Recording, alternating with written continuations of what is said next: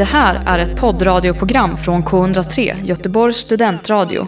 Du hittar oss på k103.se. Av upphovsrättsliga skäl är musiken förkortad.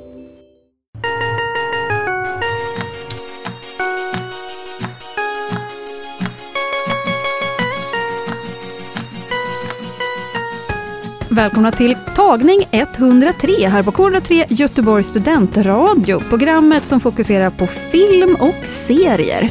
I studion idag har vi mig, Eva Gustavsson och Kristoffer Rissanen. Och vad ska vi prata om idag, Kristoffer? Jo, idag så ska vi prata, vi kommer ju ha lite nyheter och från filmvärlden. Sen kommer vi ha recensioner av Raised by Wolves, en uh, ny science fiction-serie av Ridley Scott. Och så kommer vi snacka om The Hunt. Den har inte kommit ut nyligen, men den har kommit ut eh, i år och den är kontroversiell. Så vi pratar om den och sen så kör vi, det är oktober nu, så vi ska köra några snabbrecensioner av skräckfilmer och thrillers som jag har sett. Och vi ska också prata lite om mysfilmen Enola Holmes, lite mystery här i eh, höstmörkret också.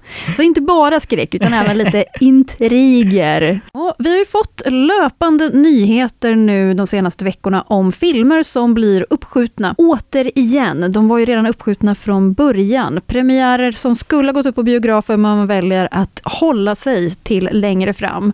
Och filmer som har skjutits på är ju till exempel Bond, James Bond-filmen. Den kommer inte komma i år. Det gäller också Dune. Mm. Denise uh, Villeneuves film kommer mm. inte komma. Vet vi när den, alltså har de ens satt några nya datum? Jag tror inte det. De, de har bara sagt ett helt, alltså det kommer upp om ett år. Ja. Och det var ju så, jag ville gärna se uh, Dune för jag älskar ju Blade Runner 2049 och det är samma regissör och andra filmer av den är ju jäkligt bra också. Mm. Detsamma gäller för Batman, där Robert Pattinson ju ska spela Batman, Wonder Woman, Black Widow och hela Disneys katalog. Mm. Det är stopp i releaseproduktionen. ja. Det här är ju filmer som finns och är färdiga och egentligen bara väntar på sin ja. publik. Men man väljer att inte släppa filmerna i och med att det är, dels finns många länder där du inte kan gå på bio, men också många länder där restriktionerna gör att för få kan gå och att man är väl rädd för att det kommer bli en alldeles för dålig intäkt som man har ja. möjlighet att få in. Precis, och eh, som vi har sett innan så har ju Disney till exempel lagt upp Mulan på Disney+, fast det kostar väl extra för att se på Mulan tror jag. Mm. Jag tror de la till en extra avgift. Att det blir som en liten hyra liksom? Ja, ja men ja. precis som en hyrfilm. Så det ser vi att sådana initiativ har tagits, eller att filmer bara släpps på strömningskanaler liksom. Mm. Vad, är det, vad händer med biograferna tänker vi då, då? Ja, det är ju inte lätt. I England så gick man ju ut och sa att ja, men vi, de kommer ju typ varsla liksom all sin personal ja. och bara, de stänger. Varför ska vi hålla öppet om vi inte har någonting att visa? Dessutom så har väl de känslan av att de kanske också kommer bli nedstängda snart, just för att det ja. blir sämre och sämre i England med smittan. Ja men precis, England är väl ett, ett exempel där de, har ju, de hade väl pubbarna och allt det här öppet ett tag, men så hanterades det inte bra. Och så blev det liksom mer fall och så nu måste de bara stänga ner samhället igen liksom. Men det, det vi har sett är att precis som de här filmbolagen och strömningstjänsterna, de, har blivit, de försöker innovera lite grann med sina verksamheter I guess. Uh, om vi säger så här då, biograferna har ju börjat visa gamla godingar. Mm. För att de har, inte, de har inte så stort utbud av nya filmer. Så till exempel Filmstaden här i Göteborg, de eh, visar faktiskt John Carpenters Flykten från New York. Och det är ju en klassiker kan vi ju säga. Ja, verkligen. Eh, de visar till och med Black Panther. Och eh, så har vi också en animefilm, Akira, såg jag ju att, att de visar. Det är också en så här kult, liksom sci-fi anime. Så folk försöker ju hitta på lösningar för att ta sig ur det här. Mm. Jag tycker att det är en väldigt bra lösning, för det är någonting som jag även, alltså jag vet ju att det finns eh, filmklubbar, till exempel Cinemateket finns eh, här i Göteborg och de har alltid sina retrospektiv där man kan se både nyrestaurerade filmer och man kan, eh, de har ofta så här teman att så här, just nu är det Hitchcock till exempel. Mm. Och, och, ofta brukar det vara så att det är en höst så kör de liksom alla filmerna av en regissör, så där. såvida inte den har gjort så många så att det blir två stycken säsonger. Men jag skulle ju ändå vilja vilja att det fanns fler forum för att se äldre filmer. Mm. Just för det är så himla häftigt att få se någonting på stor duk. Mm. Så att jag blir ju glad över att det här finns. Sen vet jag ju att anledningen till att det kanske inte finns är ju för att efterfrågan är för liten. För att Mm. folk hela tiden är så här, "Åh, jag vill bara se det som är nytt, jag vill bara se Mm. liksom, det som alla pratar om just nu. Eller så vågar folk inte gå på bio överhuvudtaget. Ja, du menar nu i coronatid? Ja, exakt. ja, ja, det kan jag förstå. Eh, Men jag tror också att om jag jämför med andra stora städer i andra länder, Mm. så, så finns det ju i regel biografer som visar retrospektiv, eller som visar gamla filmer. Mm. Det har vi ju inte så mycket i Sverige, för att det ska alltid vara det där nya hela tiden. Mm. Eh, Folk går inte på, om, om Draken skulle vara öppen här, liksom post-corona, och visa liksom klassiker, så skulle det tyvärr vara alldeles för få som kommer för att det skulle bära sig. Precis. Hur många skulle gå och se på Casablanca om draken visar? Mm, en onsdagkväll, tyvärr för få. Ja, men vad hade vi velat se på Mm. bio då? Vad är det, finns det någon film som du hade velat se igen på bio eller som du missade? Ja, eller en film som kanske... Nu minns bo- jag inte riktigt om den, är, om den ens gick på bio. Ja. Jag har ju en favoritfilm som är väldigt storslagen visuellt, Mm. men som egentligen är helt okänd. Och den heter The Fall, eh, som är en film av en eh, regissör som heter Tamsin eh, Singh. Och den är med eh, Lee Pace i huvudrollen. Mm, Han är mm. ju, ja, han är alvkungen för övrigt förresten. Är det, han är alvkungen? Han är alvkungen. Förlåt, The Hobbit suger. Jag, Ja. jag orkar inte. Han är med i The Hobbit. jag orkar inte. Men eh, i alla fall, eh, det är en, liksom en film som är berätt, det är, liksom en så här, det är mer eller mindre en saga för vuxna. Eh, Okej. och den utspelar sig i liksom gigantiska scenerier, du vet de åker till och spelar in vid Taj Mahal och de är så här i öknar. Det är liksom bara så fruktansvärt snyggt. Den skulle jag vilja se på bio. Ja.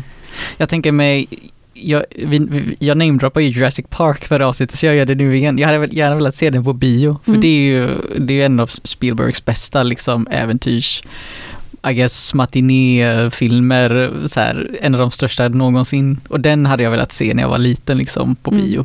Men ehm, när det den kom säger sig ju ut, självt, dinosaurier ska vara stora! det, de- det ska vara stora, det ska låta högt och det, ska, och det, och det är ett fantastiskt soundtrack i filmen också som måste höras i, i en biografsalong liksom. Men eh, du nämnde, eller vi nämnde The Hobbit, men Sagan om ringen, eh, det hade jag velat se på bio igen alltså. Ja, ja men det funkar alla gånger. Ja, och Star Wars-filmen och sådär. Ja, Men, men just också att det finns ju en, alltså hela filmhistorien finns ju så otroligt mycket gamla klassiker Of som course. eh, folk aldrig haft möjligheten att se på bio. Så att, bring it on! kör på, Ja, visa oss fler klassiker. och där är det ju heller inte så stor ko- alltså Jag tänker att gamla filmer måste väl ändå vara lite billigare att, plocka in rättigheterna till. Det borde inte vara så stor Mm. omkostnad, så det är okej att det sitter liksom 50 pers i salongen. Ja. Ja, vi ska ju ge er lite tips om nya saker att titta på. Vår första recension för det här avsnittet, det kommer handla om Raised by Wolves. Och det är en ny science fiction-serie från HBO. HBO Max är väl kanalen sen som det har sänds i USA. Men det finns också tillgängligt på andra plattformar här i Sverige. Eh, och det är eh, Ridley Scott som har Hans, hans namn är överallt på den här grejen, men han, han är ju liksom executive producer och han har regisserat två avsnitt av serien. Så det är en sci-fi-serie som handlar om två androider som bosätter sig på en planet och uppfostrar eh, en grupp mänskliga barn. Och eh, detta för att jorden har förstörts i ett religiöst krig och eh, mänskligheten flyr undan den förstörda jorden. Lite som Battlestar Galactica eh, Mm, eh, från, förstår, från ja. förra... Vi kommer gå in på det här med referenser och så lite senare. Men ja, och sen så händer det så här att det kommer fler människor till den här obebodda planeten där de här androiderna är. Och så händer det massa sjuka grejer. Och det är tio avsnitt. Som, som jag nämnt så är det Ridley Scott som varit med. Vet du vem det är? Ja, gud ja. Jag har ju sett väldigt mycket av hans filmer och han har gjort ett väldigt brett spektra av filmer. Allt från Thelma Louise till Alien, där det är liksom så här amerikansk öken eh, och feminism till eh, aliens och, eh, ja i och för sig också lite feminism, men det är ju mycket kvinnor. Mm, det är mycket kvinnor. Ja, är Ja. det även det här? Oh ja, och kvinnan, eller om androiden som eh, liknar en, en, en, kvinna är ju liksom huvudkaraktären by far. Liksom, Mm. och hon har den största rollen. Men eh, ja, Ridley Scott han har också gjort såna här historiska filmer som Kingdom of Heaven eller Gladiator som alla har säkert sett i skolan någon gång. Gud ja. Det här med att Ridley Scott har med en stark kvinna eller en kvinna som huvudperson. Det här är ju någonting som han lånar från sig själv. Mm. Och eh, den här serien lånar väldigt mycket från eh, Ridleys andra verk och även från andra men tror du att han har haft väldigt stort inflytande? Har han haft väldigt mycket att säga till om? Äh, där han liksom petar in sånt som han gillar? Ja. Alltså, det är ju lite svårt för han är ju inte serieskaparen på det sättet. Han är ju bara executive producer och har regisserat två avsnitt. Men det är också tydligt när man kollar på den här att den har så mycket av Ridley Scotts alster i sig. Ba, alltså bara de här referenserna till Alien till exempel. Att, vi ska inte spoila, men det finns liksom aspekter av det och sen så refererar ju den här serien till andra science fiction-verk. Jag nämnde Battlestar Galactica, men det är en mycket liten, det är, inte ens, det är inte ens någonting som de har tänkt på, tänker jag. Utan de har ju till exempel en sekvens från en gammal anime-serie som är jättelik en sekvens från Elfenlid, som är en så här våldsam sci-fi uh, anime från typ tidigt 2000-tal eller till och med 90-talet. Men det, det som jag ser med den här serien är att sci-fi har blivit mer och mer självrefererande. Att det här med att, att ha, hitta på nya idéer, det, man behöver inte göra det utan man tar bara idéer som har eh, utforskats i andra filmer eller andra serier och så har man sin egen mm, twist på det liksom. Hur funkar det i en värld där man vill nå ut ganska brett? Eller är det här någonting för den ganska inbitna sci-fi-intressenten? För att om det hela tiden självrefererar, då är det svårt att vara Ja. ny i, i genren. När det blir liksom nostalgi eller referenser som man Ja. själv inte fattar. Det, det är en jäkligt bra fråga, för dels så finns det ju det, men dels så har den ju, har du sett Lost? Nej, det har jag Nej, inte. men Lost drabbades av det här mystery box-grejen som JJ Abrams och de här gillar att köra med. Och det gör ju den här serien också, att det ställs massa frågor och så svarar de inte på frågorna typ, eller om de gör det väldigt mystiskt. Om man inte gillar det och om man inte är jättebekant med tropes inom science fiction-genren eller så här grejer som alltid är med, då kan det vara lite främmande kanske. Att Mm. det, det är lite hög um, ingång. Ja, lite Ja. hög tröskel för att komma in. Sen är den ju också jävligt snygg, alltså det är en jättesnygg produktion, det, det, de har uppenbarligen en hög budget, det är ju coola idéer som är med liksom. Och det är bra skådespel, spe, speciellt av androiderna. Det är någonting som Ridley Scott, det är hans influens, det är, han gillar ju androider som ska vara mer mänskliga än mänskligheten. Det här ser vi i typ Blade Runner och, och, och i Prometheus med eh, Michael Fassbenders karaktär David. Mm. Att han älskar den här tanken om någonting som vi människor har skapat, som är artificiell intelligens, men den intelligensen vill vara bättre än oss typ. Han älskar den idén och det finns med här också liksom. Att eh, ett, någonting som vi skapat också försöker skapa liv finns ju med här väldigt klart och tydligt och det är direkt taget från både Prometheus och Alien Covenant liksom. Jag skulle ge det tre av fem klaffar. Dåligt skådespeleri av eh, Vikings Travis Fimmel. Eh, han spelar samma karaktär som han gjorde på Vikings och det är jättejobbigt. Är det han som drar ner det från fyra till tre? Det är det och sen så är det det som jag nämnde med mystery box eh, grejerna att det är bara massa mysterier och vissa saker besvaras ej, andra besvaras men sen så ställs det bara ännu fler frågor. Så det är ett väldigt billigt trick att så här, skapa intresse typ eller hålla, in, hålla en vaken liksom. Mm. Att vilja se mer. Men det här är första säsongen och eh, tio avsnitt sa du. Kommer det komma mer? Vet man om det kommer flera säsonger? Det kommer en till säsong. Åtminstone. Mm. Spännande. Vi får hålla utkik efter det.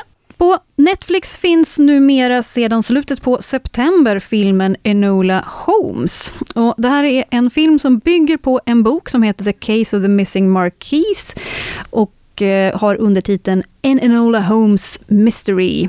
Och den är skriven av Nancy Springer.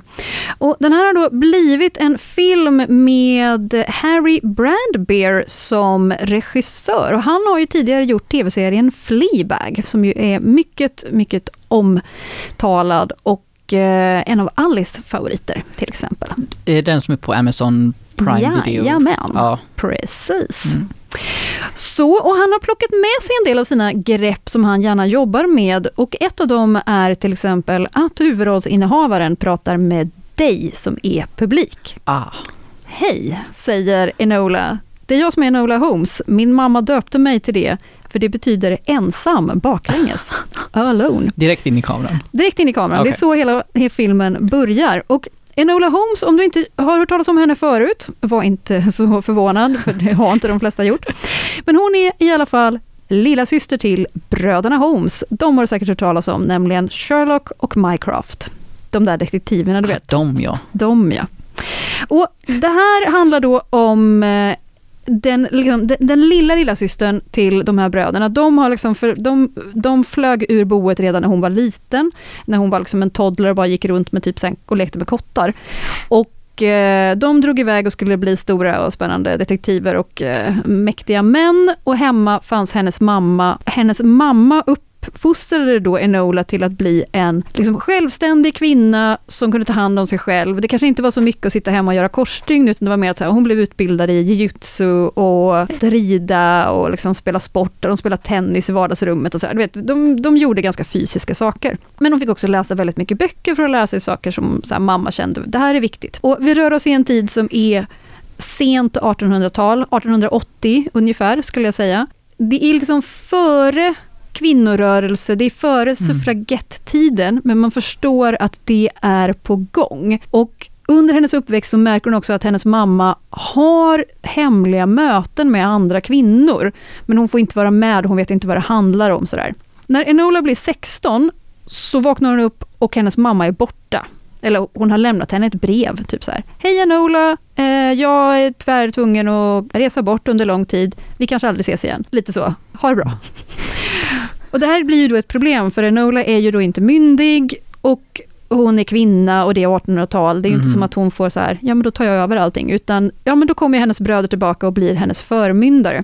Och de tycker att, ja men den här ungen som inte har fått någon jävla utbildning överhuvudtaget, hon måste ju sättas i kvinnoskola så att hon kan bli en fru. Det vill ju inte Enola, så att hon rymmer och ger sig ut för att hitta sin mamma. Så hon tar sig till London för att hitta sin mamma. Längs med den här resan springer hon på en annan rymling som heter Tewksbury, eh, som är någon ung adelsman som också är på flykt från sin släkt. Vilket namn. Ja, det är Tewksbury. Tewksbury, ja det är ja, inte snyggt om man säger. Oerhört brittiskt. Oerhört brittiskt. De korsar sina vägar lite till och från så här under historien. Så. Men framförallt, vi följer ju hela tiden Enola när hon rör sig och försöker lösa olika mysterium. För vi stå, förstår ju också att hon är, om Sherlock är bra på det här så är hon ännu bättre på detta. Aha, I see. Mm, så hon är ju lite en, eh, en detektiv in disguise, kan man väl säga. Så här. Självlärd. Aha. Och den här historien, alltså den är ju, för det första så är den väldigt gullig. Den är charmig och den är ju gjord lite som en, en matiné. Den är väldigt, väldigt färgglad och det är ju liksom action och lite så äventyr blandat skulle jag säga. Men den tar sig ju själv också inte på för stort allvar och kan vara ganska rolig. Och för, försöker liksom undvika att falla i de värsta fallgroparna över liksom hur filmen ska utspela sig och gestaltas. Hur, det här låter ju lite grann som David Copperfield som vi recenserade i förra avsnittet. Mm. Verkligen. Är det likt i stil, du, nämnde att det är mycket färger och så här. Mm. Ja, där kan man verkligen se likheter, det tycker jag. Och också kanske att det nog ska vara lite samma period, ärligt Mm. talat, i- England. Det, så, så där finns det också många likheter. Men där den var konstig och inte så rolig och bara absurd, så är den här rolig, intressant. Man vill liksom veta vad som händer och det är spännande och har också ett väldigt bra skådespel. Mm. Här har vi många kända skådespelare där eh, mamma till Mamma Holmes spelas av Helena Bonham Carter Okej. och eh, Enola själv spelas av Millie Bobby Brown som ju många känner igen från Stranger Things till Som exempel. hon spelar i Eleven va? Just det. Henry Cavill från eh, The Witcher är med i Jajamän. Eller Superman. Eller eh, just det, eller Zack Snyders Superman-filmer som Precis. många har svårt för. Han spelar Sherlock. Ja, of course he does. Mm, det gör han. Vi har även Sam Claflin som Mycroft, den onda brodern. För här är det lite grann så här, de har lite delat upp de här bröderna i att Mycroft är liksom the real asshole, medan Sherlock är the minor asshole. Eh, lite sådär. Vem spelar, vem spelar Tewksbury? Eh, Någon, eh, någon ung snygg kille som jag inte vet vem Ah, det är och som jag inte bryr mig så mycket om, Okej, fair enough. tyvärr. men, ja, men han är ju mest bara en utsmyckning liksom, Okej. så, i själva filmen. Ja, nej men alltså jag tycker ändå att det här, eh, det ger mig någonting. Mm. Det ger också en, liksom lite en aspiration. De, de försöker liksom lägga det här i så här kvinnorörelsens Mm. vagga, att man liksom där, när kvinnor börjar verkligen så här känna bara, men nej, vi tänker inte liksom stå ut med den här skiten längre, nu får det liksom hända någonting. Mm. Sen finns det en del lite så här smålogiska luckor, eller saker som kanske inte förklaras helt och hållet i filmen, men det, det funkar. Det, det är liksom lite av en, eh, en saga, liksom. det är det ju ändå. Ett mysterie. Mm. Ja, det kan ju inte vara värre än de logiska hål, hå- hålen som finns i Race by Wolves, kan man väl säga. Nej, Det var något jag glömde bort att nämna, men det finns. det finns en del. Ja. Det är alltså roligt när man bara säger bara, men vänta lite nu här, jag har en fråga ja, här. Ja. Varför är det så här? Varför har ingen tänkt på det här? Det är en helt uppenbar fråga eller? Ja, nej, jag, jag tycker att Enola Holmes är en perfekt höstmatiné som man kan kolla på en lite slumrig eh, bakissöndag. Eh, det kommer pigga upp och du kommer känna dig lite bättre. Den här filmen skulle egentligen ha gått upp på bio men hamnade på Netflix på grund av covid-19. Det funkar väl alldeles utmärkt. Jag ger den fyra stycken Oj, klappor oj, oj, för att eh, den, den gjorde mig glad och underhöll mig mycket.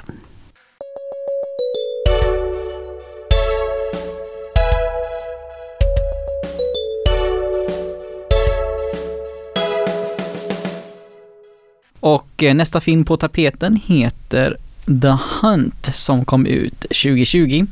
Den skulle ha kommit ut eh, på bio i mars 2020, men av olika anledningar så blev det inte av. Nej, Vad var det som hände i mars? ja i mars, ja, Eller i hände, våras. det hände ju inte i mars om vi säger så, Nej. men eh, i mars så blev ju covid klassat som en pandemi. Ja. Innan dess så var det ju bara ett virus. Mm. Och innan dess så var eh, det som amerikanerna fick oroa sig över var när, var och när ska nästa typ massskjutning ske? För, Mm. för det var ju också en anledning till varför den här filmen, den, tog, den togs ju bort helt från release. För att det här är en politisk eh, thriller eh, med inslag av komedi. Och den var helt enkelt alldeles för laddad för klimatet, medieklimatet eller vad ska man säga Mm. den popkulturella sfären eh, ti- eh, början på året. Men ja, så det är en kontroversiell film som handlar om 12 eh, människor blir utvalda och eh, kidnappade. De jagas av väldigt arga och elitistiska vänstermänniskor som är från typ corporate America slash sociala rättsaktivister. De har vapen och de jagar och tänker döda de här 12 Det är lite av en elitistisk foxhunt på något sätt. Bra. Ja. Bra referens till Fox där också. ja.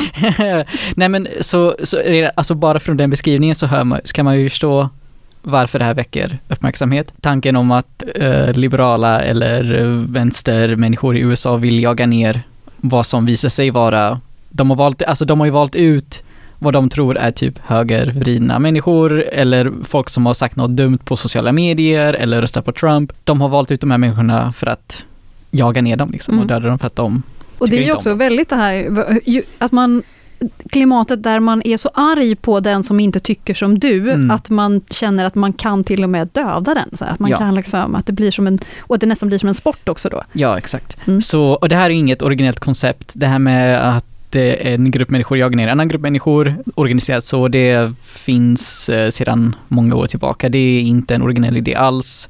Så det är ju någonting som kanske sänker betyget på den här filmen.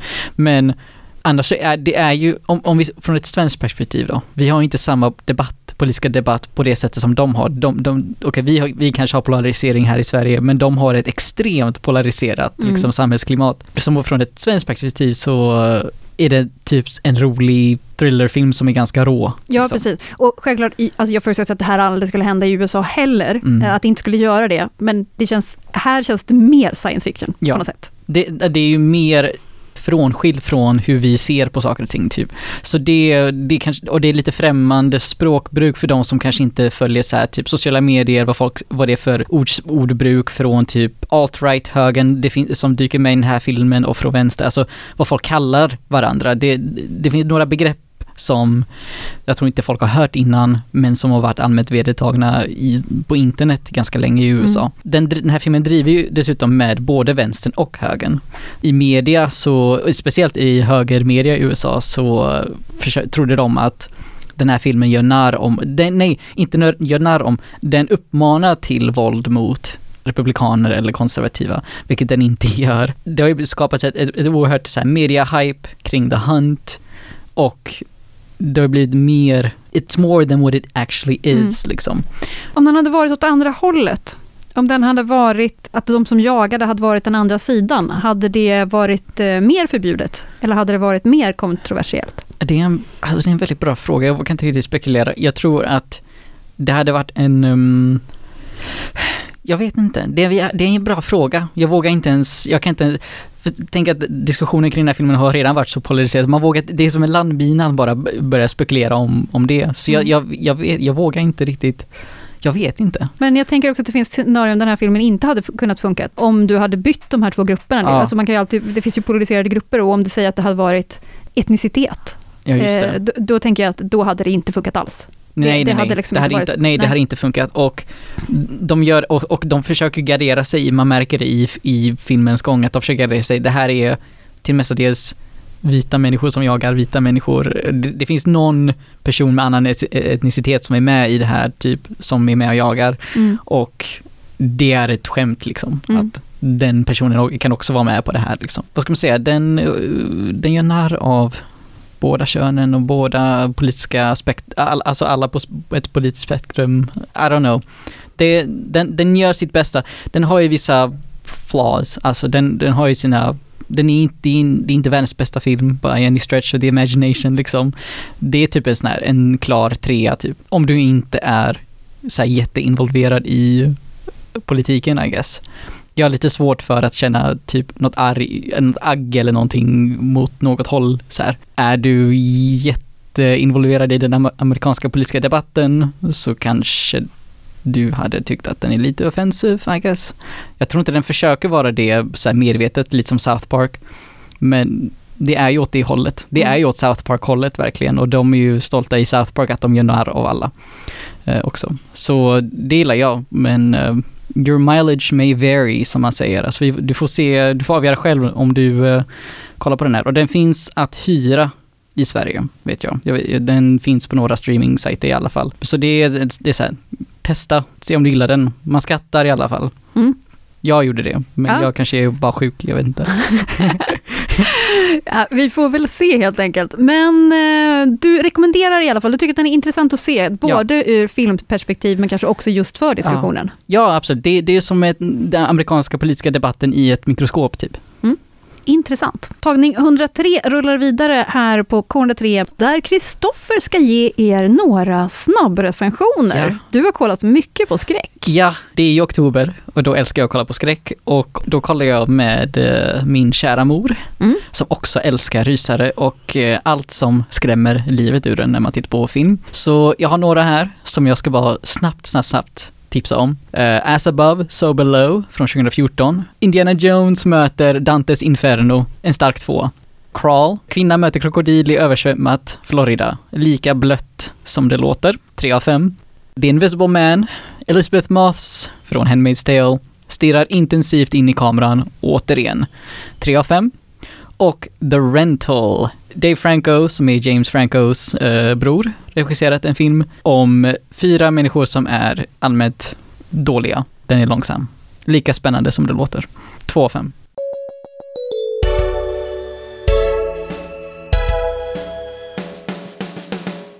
I tagning 103 idag så har jag och Kristoffer recenserat tre stycken alster. Det har varit två stycken filmer, en tv-serie. Vilken var tv-serien? Uh, Race by Wolves, Vad fick den för betyg?